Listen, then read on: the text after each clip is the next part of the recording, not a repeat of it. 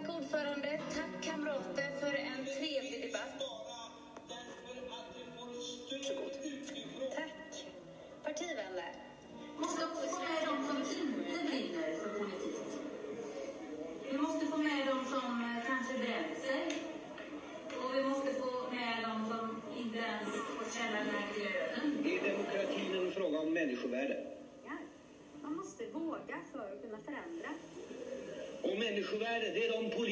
Friheterna. Rätten att fritt få uttrycka sin mening. Alla ska ha samma rätt och möjlighet att påverka. Alla ska ha samma skyldighet. Trots pandemin så gör Sveriges kommuner ett rekordöverskott. Hej Therese! Hallå Louise! Nu är vi här igen i Ja. poddavsnitt nummer två. Ja, Hemma hos mig. I ditt vardagsrum. Ja, med eh, kaffe. Ja. Och vi börjar som vanligt med en liten slurk av kaffet. Hur har du haft det sen sist? Jo, bra. Det har ju varit eh, ledigt lite grann, eh, valarbete lite grann. Det är ju så när det är valår. Ja. Då kan man inte sitta på latsidan precis. Jag försöker faktiskt ha lite ledigt nu innan eh, valet. Jag, har, jag vill börja med att tipsa om en bok jag har läst. Eh, som... Alltså den berörde mig mycket faktiskt. Och den är lätt, den är på drygt 100 sidor, så det går jättefort att läsa den. Den heter B-laget, rapport från ett utanförskap. Och är skriven av en man som heter Fredot Karlsson Andersson. Den var en smocka i magen kan man säga. Eh, om en... Eh, han skriver så här. Jag är 49 år och kan inte försörja mig. Månad efter månad ligger jag på gränsen till existensminimum, under eller precis över. Hur hamnade jag här? Eh, ja, det handlar väl om det som vi vill förändra, Therese. Eh, hur svårt det är om man har en, ett fun- en funktionsnedsättning eller en sjukdom. Eh, ständig kamp med läkare och Försäkringskassan, vårdcentralen, myndigheter och ett ganska skoningslöst arbetsliv där man måste prestera och vara på topp och vara flexibel hela tiden. Eh, och vill vi ha ett sånt samhälle? Säger jag en, en ledande fråga. Eh, men jag vill verkligen tipsa om den här boken för den var som sagt var bara 100 sidor och den går fort att läsa. Men den var tänkvärd. B-laget. Rapport från ett utanförskap. Dagens väldigt, boktips. väldigt viktiga frågor. Jätteviktiga frågor, verkligen. Det är, det är försäkringar som vi inte kan vara utan. Vi behöver att göra någonting åt det. Så Ja. att det, försäkringen är för alla. Ja. Och vi pratade om det förra gången med varför vi är socialdemokrater. Och det här är ju faktiskt en av anledningarna. Eh, alla människor vill bidra. Det är min absoluta övertygelse att det är så. Eh, tro inte att någon fuskar eller ligger hemma bara för att man tycker att det är bekvämt. Eh, men det det är tufft och vi misstänkliggör människor, tycker jag. Det är svårt att vara fattig helt enkelt. Det är ganska lätt att vara rik. Och man måste framförallt vara frisk för att kunna vara sjuk. Ja, men nog om det. Men jag kände att det var viktigt att, få tipsa om den här lilla boken, för som sagt var den berörde mig mycket. Men nu ska vi komma in lite på dagens tema, Therese, som handlar om valet, eh, som vi närmar oss. Eh, och då undrar jag om du kommer ihåg första gången som du gick och rösta? Ja, eller inte rösta kanske. Va? ja, det var 1998. Eh, det var ju första gången jag fick rösta då. Då var jag nästan 20 år. Och nej, jag röstar ju inte. Röstar du inte? Nej. Gjorde inte du det? nej. Det kan det- tycka är lite en konstigt sådär idag. alltså? Ja, nej, inte riktigt. Ja, ja, Vadå kanske. inte riktigt? Är det inte det själva definitionen på soffliggare? Man inte går och röstar? Nej, jag låg ju inte på soffan. Nej. Tjejer kan jag inte påstå. Men, men jo, men det är väl kanske definitionen så. Men ja. Nej, jag kommer fortfarande ihåg det antagligen. För att jag kommer inte ihåg andra gången jag skulle gå och rösta. För då vet jag att jag röstade några år senare. Men just den här gången så kommer jag ihåg det så tydligt. För jag var hemma hos en kompis i Uddevalla och så... Eller för jag bodde i Uddevalla då. Och så kom en dagisfröken förbi som var på väg till att rösta och då sa hon till mig, alltså, ska du inte gå och rösta Therese? Nej, nej jag glömde mitt röstkort hemma. Ja, men du kan ta med dig legitimationen så är det bara att gå och rösta bort i den här röstlokalen. Som inte var min röstlokal, men ändå. men eh, nej, jag skit dit, helt enkelt. Du sket i. Men alltså var det för att du kände så här, nej men det är ändå ingen idé för det, kan, det går ändå inte att påverka? Eller var det mest bara att, nej men jag orkar inte? Nej, jag orkar inte. Jag tyckte det var godare att sitta där på hennes altan och röka och dricka kaffe. Så att det var ju, ja. Ja, det är inte klokt. Nej, det är inte klokt. Men det blev ordning på dig med Ja, det blev Therese. ordning på mig också. För det är faktiskt viktigt att rösta. Det är Ja. jätteviktigt. Men alltså, Mina barn hade definitivt inte fått suttit på någons altan och inte gått och röstat. nej, nej. Men Nej, du är så säkert var det. inte ensam Nej. om att ha gjort så. Och det finns säkert ungdomar och kanske äldre också för den delen som inte röstar. Men jag är ju en sån jag kommer ju peppa alla till att gå och rösta för jag tycker att det är viktigt. För eh, Ja, det är ju viktigt för att jag menar, jag gick ju och rösta nästa gång det var val, men det är ju inte säkert att man gör det och sen kanske man aldrig går och röstar. Jag har vänner som aldrig går och röstar, oavsett. Även om jag tjötar på ja, dem naturligtvis. för att man inte tycker att det spelar någon roll då, eller? Nej, eller- jag vet faktiskt. Eller att man inte tycker att det finns ett alternativ. Det kan vara så många olika anledningar. Ja. Här, men kommer du ihåg första gången du röstade? Nej, jag kommer inte ihåg det, men jag kommer ihåg att jag röstade. Eh. För jag har röstat i alla val som jag fått rösta i. Och jag, jag antar att det var 1991 då. För jag, då var det väl, det var väl ett valår. Och då var jag 18 år och då fick jag rösta. Mm. Eh, så det har jag gjort, alltid. Hade en period när jag var yngre där jag alltså, gjorde någon sån här split voting, eller vad man ska säga. Jag röstade olika till riksdag, region och kommun. Eh, och det gör jag inte längre, för nu när man är engagerad själv så, så vet jag ju liksom hur viktigt det är att ha den här röda tråden, alltså i alla nivåer. Det är viktigt att Socialdemokraterna styr i alla nivåer för att det ska bli effekt liksom. Eh, ute i kommunen till exempel, eller i regionen. Och jag vet inte varför jag... Eh, det var nog någon slags förvirring. Men, men andra sidan, jag tror många gör så. Och jag tror många delar upp. Och, och jag tror eh, också att det är ganska person personstyrt, i alla fall i kommunen, speciellt kanske i mindre kommuner där man känner sina politiker, att man röstar på en person, kanske snarare än ett parti. Eh, jag har alltid eh, röstat. Däremot så röstade jag då fel till EU-valet då, för jag röstade ju nej. det blev ju jag. Ja, ja, och du kunde Ja. rösta då ja. Ja. EG hette det då. EG ja. Ja. just det. Kunde inte du rösta? Du är så mycket Nej, yngre än mig. yngre. Eller röstade fel, kan jag inte säga. Men alltså, hade jag fått rösta till EU, hade jag fått, hade varit en, en omröstning för EU igen nu, då hade jag röstat ja. Mm. Men då röstade jag faktiskt nej. Eh, sen Men det här med vad det, att du röstar på olika, i de olika valen, det kan jag tycka är lite spännande ändå. För att det är ju någonting som jag för några år sedan inte hade en aning om egentligen att det fanns kommun, region och lands, eller eh, riksdag. Jag tror inte ens jag tänkte på det. Att det var tre? Ja, men jag har inte ens tänkt det, på att det är var tre det. lappar man lägger i Ja. de här kuverten. Ja, men precis. Och Ja. att folk kunde rösta olika och så. Jag har alltid röstat på samma. Men, eh, ja. Ja men det tycker jag, jag, jag kommer ju rösta på samma och det var väl när jag inte var så engagerad i partipolitiskt engagerad själv som jag röstade olika. Vad jag vill minnas då. Men jag har alltid tyckt att det varit viktigt. Jag tycker det är jätteviktigt. Jag tycker det blir viktigare och viktigare för varje år. För det är liksom ingen självklarhet. Nej, för det är nog Eh. lätt att tro det att om man liksom har röstat på Socialdemokraterna och har vunnit i riksdag så är det nog lätt att tro att de styr också i region och i eh, kommunval Ja. om man inte har koll på det, att man kan rösta på olika. Och så är det ju inte i våra kommuner. Så är det ju faktiskt, eh, vi har ju moderatledda kommuner, både Tanum och Sotenäs. Och vi har någon slags blågrön minoritet i, i regionen. Och, och där är ju ett val där, där jag träffar många människor som tror att Socialdemokraterna styr i Västra Götalandsregionen. Eh, och det gör vi ju inte. Nej. Eh, men det är dags att vi gör det nu, för det, där finns det ju jättemycket att förbättra. Inte minst psykiatrin, men det kan, vi, kan ju bli ett eget poddavsnitt bara det. Men vi tänkte prata lite idag, Therese, också om faktiskt eh, dels att det är viktigt att rösta, men det, det har nog våra lyssnare förstått att vi tycker. Men också lite grann hur man gör. Ja. Eh, för det är ju självklart för oss, men det kanske inte är så självklart för alla. Och, eh, och den här osäkerheten ska ju inte vara det som hindrar en att man går och röstar. Nej. Att man vet vad man gör. Men någon gång i augusti så får vi väl hem det här brevet på posten med ett röstkort i som säger att man eh, Ja. får lov att rösta. Ja, och vart man kan gå och rösta någonstans. Om det, det står lokal, vart man förtidsröstar och, och, eller om man vill gå på valdagen. Precis, och det är tre val. Det är både till riksdag och regionen och till den kommunen där man bor i. Och om man är över 18 år och svensk medborgare så Ja. får man rösta i riksdagsvalet.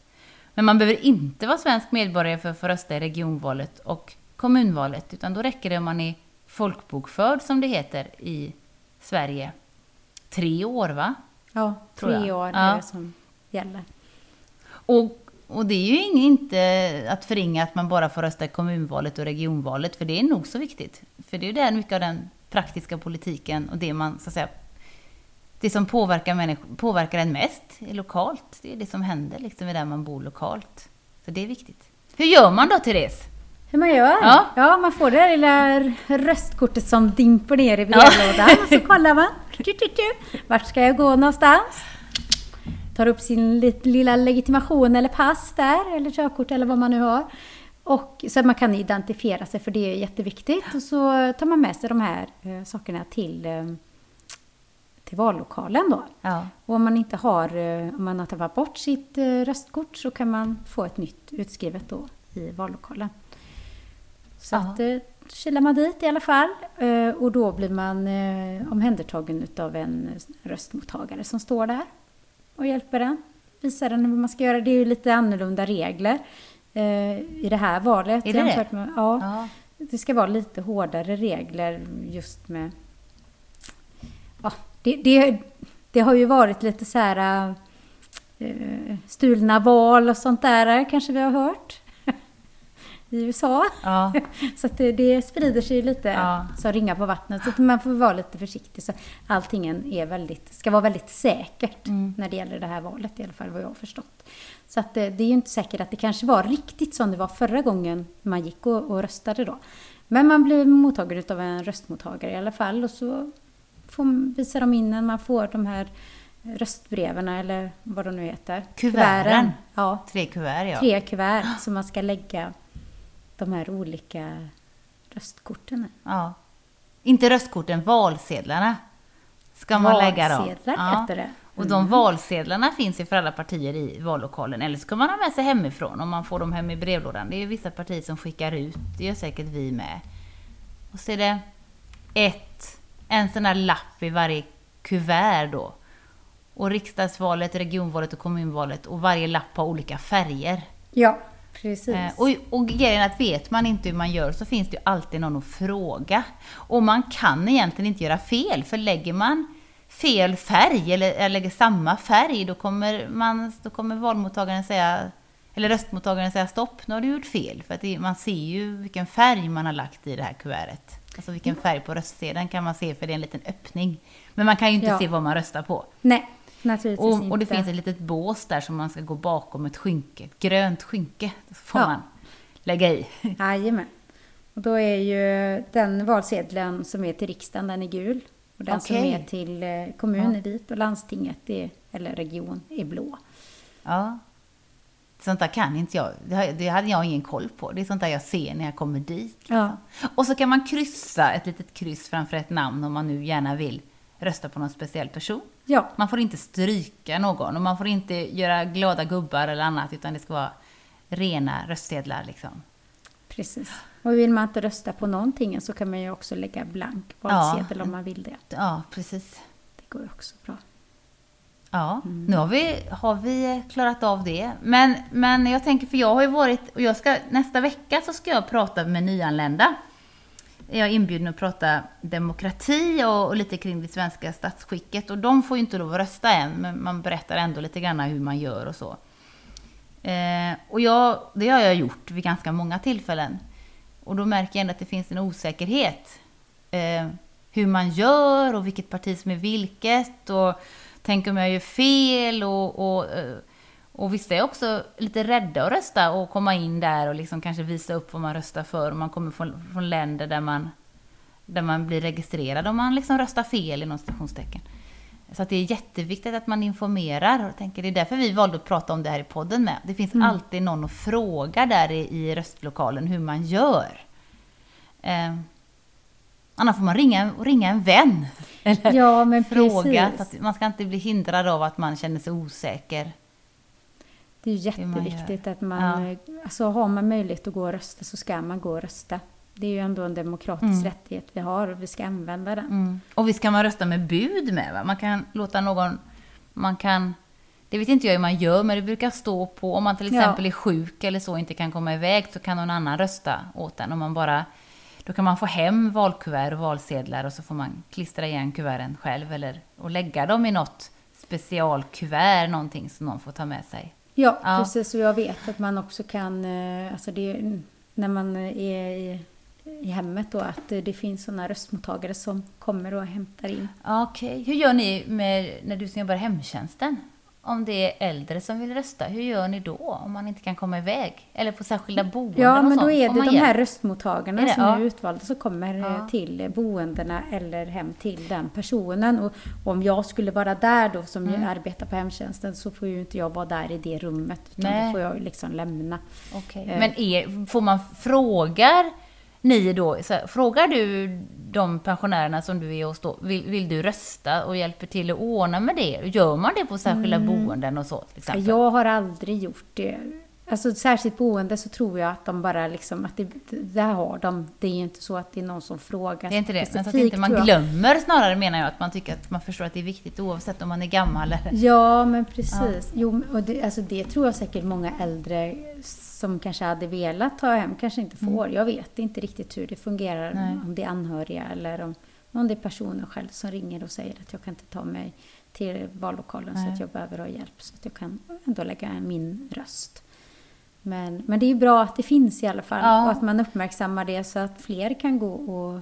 Och det är viktigt att det fungerar med. Mm. Och även om man har någon funktionsnedsättning eller funktionsvariation eller att, det, att, det, att man alla har rösträtt. Förr i tiden hade ju faktiskt inte alla rösträtt. Och även när, det, var när fick kvinnor rösträtt? 1919.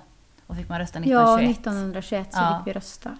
Men då fick fortfarande inte, till exempel om man var fattig fick man inte rösta eller om man hade gått i konkurs fick man inte rösta. Och vet du när, vet du när det verkligen blev en lika rösträtt för alla? Var på 70-talet Mm. eller? Ja, alltså jag, nu, nu kanske någon får kolla upp detta, men jag tror att det var så sent som 1989. För Mm. jag tror att det var då man, man, då kunde man inte omyndigförklara människor i Sverige längre. Innan så kunde man omyndigförklara människor och då fick man inte lov att rösta. Så jag tror att det faktiskt var så sent. Det är ju helt Ja, galet om ja, det stämmer. Jag tror det, men jag ska kolla upp det Ja, det får vi kolla upp det nästa gång. Så får vi liksom Annars- inleda med hur var det här Ja, nu med det här Jag tror det, att det var 1989. sent. Ja. Ja, det är helt galet. Tänk att det ja. så.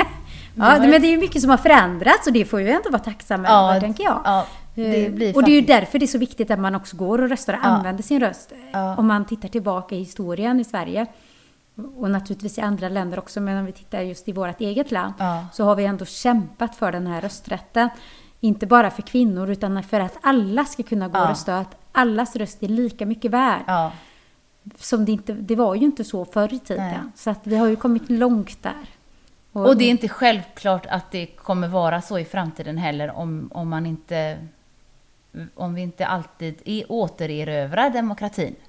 Och, det, och alltså, man kan ju tycka att det låter lite löjligt att säga så, för att vadå, vi är ett demokratiskt land och, och vi har våra friheter och sådär. Men alltså, det är ju så himla lätt att...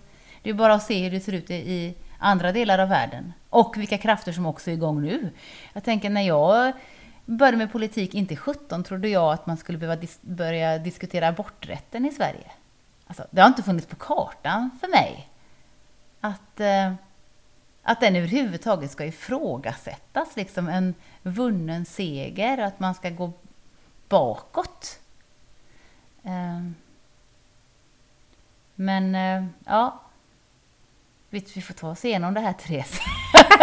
Ja, det får vi verkligen Den här konservativa eran som vi lever i nu.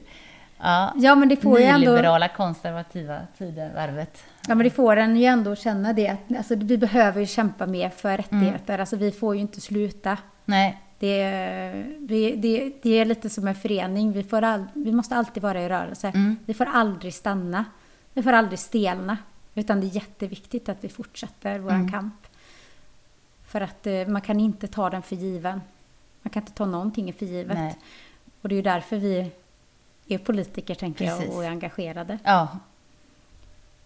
Och till de som då säger att det är ingen idé då, för det spelar ändå ingen roll vad jag röstar på. Vad säger vi till dem?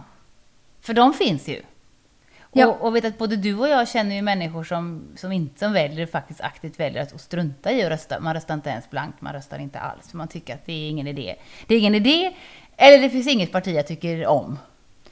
Eh, och det är klart, det finns väl inget, vi tycker väl inte allt som Socialdemokraterna gör är jättebra kanske, men, men eh, Nej, men jag tänker att ändå så...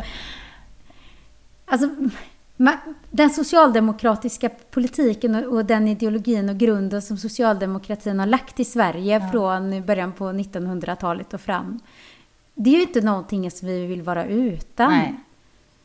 Alltså, och i vilket fall, oavsett vad man tycker är viktigast, man måste ju ändå rösta på det man tycker är viktigt.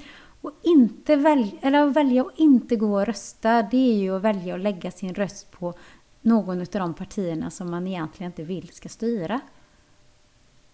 Så kan jag tycka. Ja, så att det, är, alltså det är viktigt att kunna använda sin demokratiska rättighet och gå och rösta. För att vi ska få det bra. Och det spelar roll också vilka, vem man röstar på. Och, och eh, Ja, vi kan ju säga att alla vill, alltså alla vill göra det bra för Sverige, men vi vill komma dit på olika sätt. ja, olika... Och vi har olika infallsvinklar för att kunna komma dit och, och olika eh, tankar om människor. Och det finns ju också faktiskt forskning som visar väldigt tydligt att partierna håller faktiskt sina vallöften.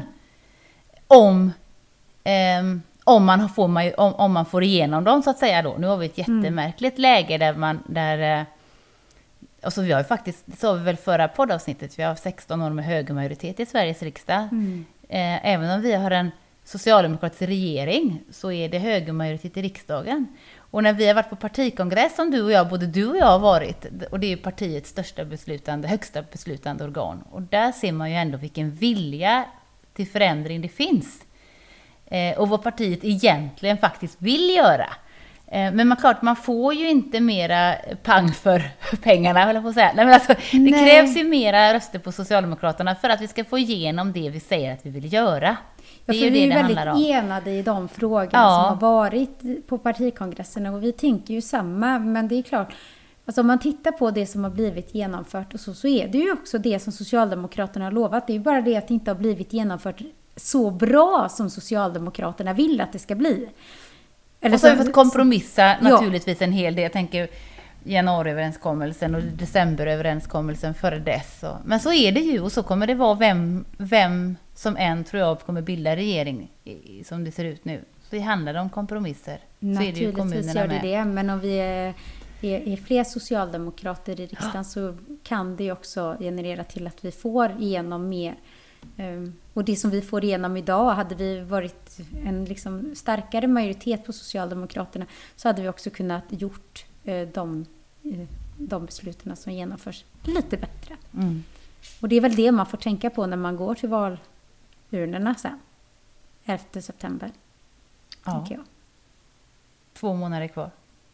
Ja, knappt. Knappt. ja, men varför, tänker du, eh, varför tycker du att man ska rösta på Socialdemokraterna i Tanum? Har ni några speciella liksom, frågor som ni verkligen... Det här är viktigt. Ja, eh, de frågorna som rör vår välfärd. Eh, vård och omsorg, vård och omsorgspersonalens arbetsmiljö. Eh, måste, den måste förbättras. Vi har ju drivit den här heltidsfrågan och den, den, den driver ni säkert i Sotenäs med. Den har Eh, vi redan den genomfört i. Sotenäs. Har ni det? Ja. Men eh, det har inte vi kanske. Men, men det man kan säga med det är att, att, att eh, om man ska orka arbeta heltid, vilket är en självklarhet tycker jag, att människor ska orka arbeta heltid. Men då måste man också ha en bra arbetsmiljö så att man verkligen orkar göra det. Och det har vi inte nu i Tanum. Så arbetsmiljön måste förbättras och, och det leder ju också till att de som vi finns till för gamla och sjuka, att de får en bättre vård och omsorg. Det är en jätte, jätteviktig fråga och det handlar inte minst om alltså, hur ska vi kunna rekrytera personal till våra verksamheter i framtiden. Det är svårt nu, det är jättesvårt nu. Eh, och då, där måste vi bli en attraktivare arbetsgivare. Och sen gäller det skolan. Eh, skolorna i Tanum kan vara mycket, mycket bättre än de är nu. Vi måste höja vår lärartäthet. Och lärarna måste få lov att vara lärare. Och vi måste omfördela pengar så att resurserna hamnar närmare eleverna och att alla elever ska få det stöd man har rätt till. Och vi måste ha bättre ändamålsenliga lokaler, förskolelokaler till exempel. Ehm, för vi har inte en jättebra skolverksamhet just nu. Och det, vi har väldigt, väldigt många barn som, eh, som eh, inte klarar att gå till skolan ens en gång. Och jag, där tror jag att vi är, har anmärkningsstor, anmärkningsvärt stor del barn som mår dåligt i skolan. Eh, det är två viktiga frågor. Sen tycker vi att det ska bli, viktiga, det ska bli lättare att kunna bygga ett hus i Tanums kommun. Vi har så ganska mycket krångliga regler som inte behöver vara så krångliga. Utan vi ska hålla lagkraven naturligtvis, men vi behöver inte gå utanför dem. Så vi vill förenkla för människor som vill bygga ett hus och bo här året runt. Ja, det var några. Ni i Sotenäs då? Varför ska man rösta på Socialdemokraterna i Sotenäs? Ja, det är väl ungefär lite, lite samma ja. frågor. Vi, alltså, vi är närliggande kommuner, så, men vi har ju infört heltid i Sotenäs. Socialdemokraterna skrev ju en motion för eh, rätt så många år sedan innan eh, kollektivavtalet eh, mellan Kommunal och SKR sa att man skulle ha heltid. Men, men det var ju egentligen, alltså den, den fick bifall och så, eller alltså man sa ja till den. Men eh, det var inte förrän egentligen som kollektivavtalet eh, gick igenom då för några år sedan som vi började arbeta med det. Men, så nu, nu, de som vill ha heltid har fått heltid. Men det som du säger, det är arbetsmiljön, den är jätteviktig. Den behöver vi arbeta mer med. För att om man ska ha ett hållbart arbetsliv och orka arbeta 100% så behöver vi ha en bättre arbetsmiljö. Men omsorgen är ju en väldigt het potatis. Och det är en viktig fråga som vi måste ta tag i.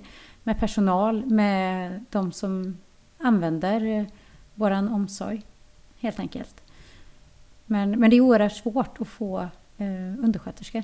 Mm. Eller personal överhuvudtaget. Och det är ju någonting vi behöver se i vitögat. Varför är det som det är? Vi behöver ordna till det. Helt enkelt. Så det är en väldigt viktig fråga. Skolan är en viktig fråga också.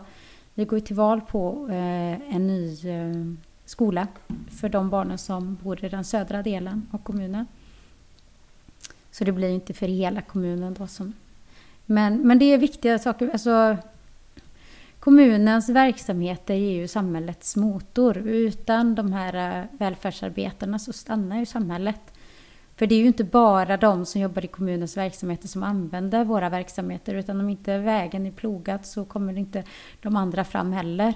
Om inte barnomsorgen fungerar så är det fler än de som arbetar i kommunens verksamhet. Eller bor... Ja. Så det här det, det är jätteviktiga frågor.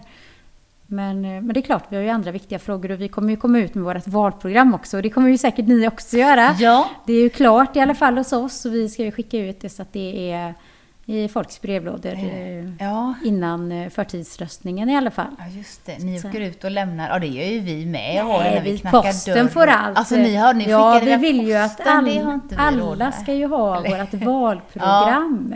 Ja. Eh, så där lägger vi lite extra pengar så det går in ut till alla hushåll i kommunen då. Ja. Men, eh, men annars så brukar vi göra så att vi liksom åker och lägger foldrar i brevlådor och så. Ja, men just när det är valprogrammet ja. så tycker vi att det är viktigt att, att lägga pengar faktiskt på det. Ja. det. Då får man snåla in på något annat så istället. Och det kanske vi, jag kommer inte riktigt, vi har ju också ett valmanifest som vi kallar det för. Ehm men det är, handlar ju mycket om det vi precis sa nu, vård och omsorg och skola och välfärden. Välfärden, ja. Det är det, det är vi egentligen har drivit under hela perioden. Ja, liksom. men precis. Men det finns ju andra saker också. Mm. Som, alltså jag, jag kan tycka infrastruktur och fastigheter och så, det blir ju eftersatt. Mm. Och det, alltså man, vi, vi kan ju inte släcka små eldar utan vi måste ju ta tag i problemet och underhålla liksom. Vi måste göra i ordning så att det ser bra ut. Och, mm.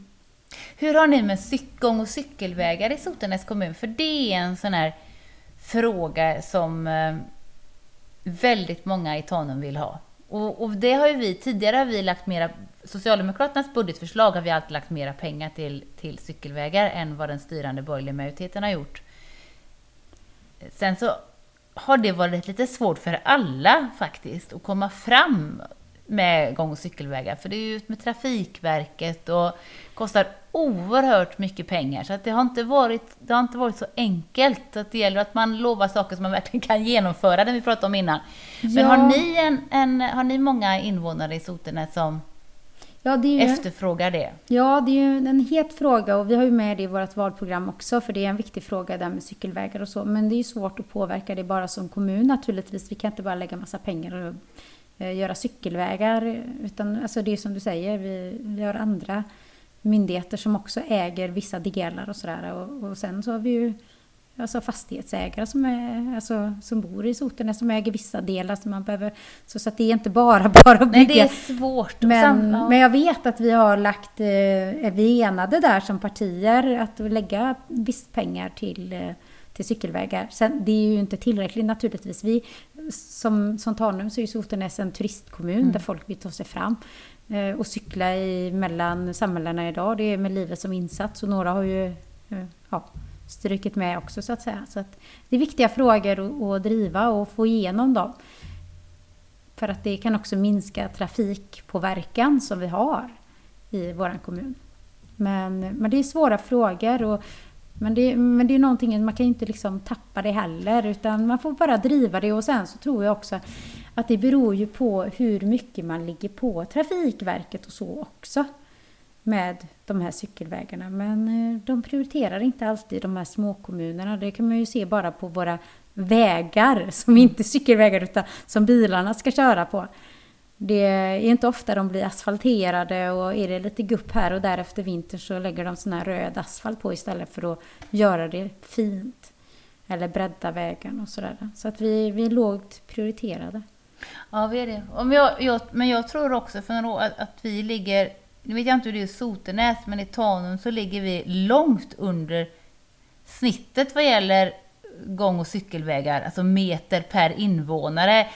Ja, alltså nu, siffrorna kanske är fel, men jag tror att snittet i Sverige är 2,7 meter cykelväg per invånare i snitt eller något sånt där. Och i Tanum så har vi kanske 0,7 meter cykelväg per invånare. Så vi ligger ju ganska långt under snittet i Sverige och vi är också en, men vi är en turistkommun. Liksom. Så det finns mycket att göra där.